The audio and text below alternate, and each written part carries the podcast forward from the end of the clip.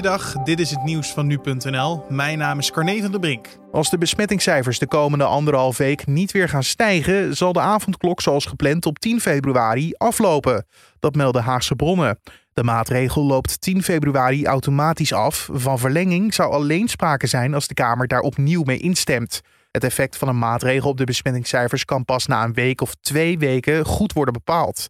Maar als de besmettingscijfers blijven dalen, zoals de afgelopen dagen het geval was, zal politiek draagvlak voor verlenging van de avondklok waarschijnlijk moeilijk te vinden zijn. Het kabinet vergadert dinsdag weer over de coronacrisis en dan wordt er naar verwachting een knoop doorgehakt over de avondklok. Het heropenen van het basisonderwijs op 8 februari levert volgens berekeningen een reële risico op voor een toename van ziekenhuisopnames. Zo schrijft demissionair minister Hugo de Jonge van Volksgezondheid in een Kamerbrief. Toch denkt hij dat de zorg deze druk aan kan. Hoe groot deze toename zal zijn, hangt volgens de minister vooral af van het nog onbekende effect dat het vaccineren heeft op de epidemie. Ook gaan een aantal aanvullende maatregelen in het onderwijs gelden. Zo moeten alle leerlingen in een klas vijf dagen in quarantaine als een klasgenoot besmet raakt. Bij leraren worden sneltest ingezet. En daarnaast worden schoolkinderen voortaan meegenomen in het bron- en contactonderzoek van de GGD.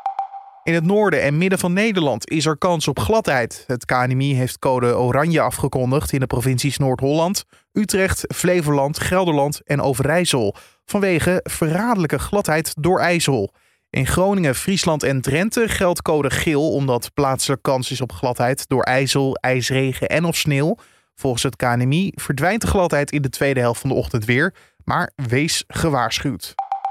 Het leger van Myanmar heeft een staatsgreep gepleegd. De regeringsleider is in de nacht van zondag op maandag opgepakt door het leger. Ook andere prominente leden van de partij zijn gearresteerd.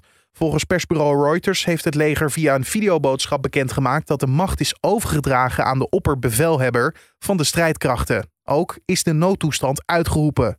De afgelopen dagen liep de spanning tussen de regering en het leger op in de nasleep van de verkiezingen in het land. Volgens het leger heeft er bij de verkiezingen fraude plaatsgevonden. En tot zover de nieuwsupdate van nu.nl.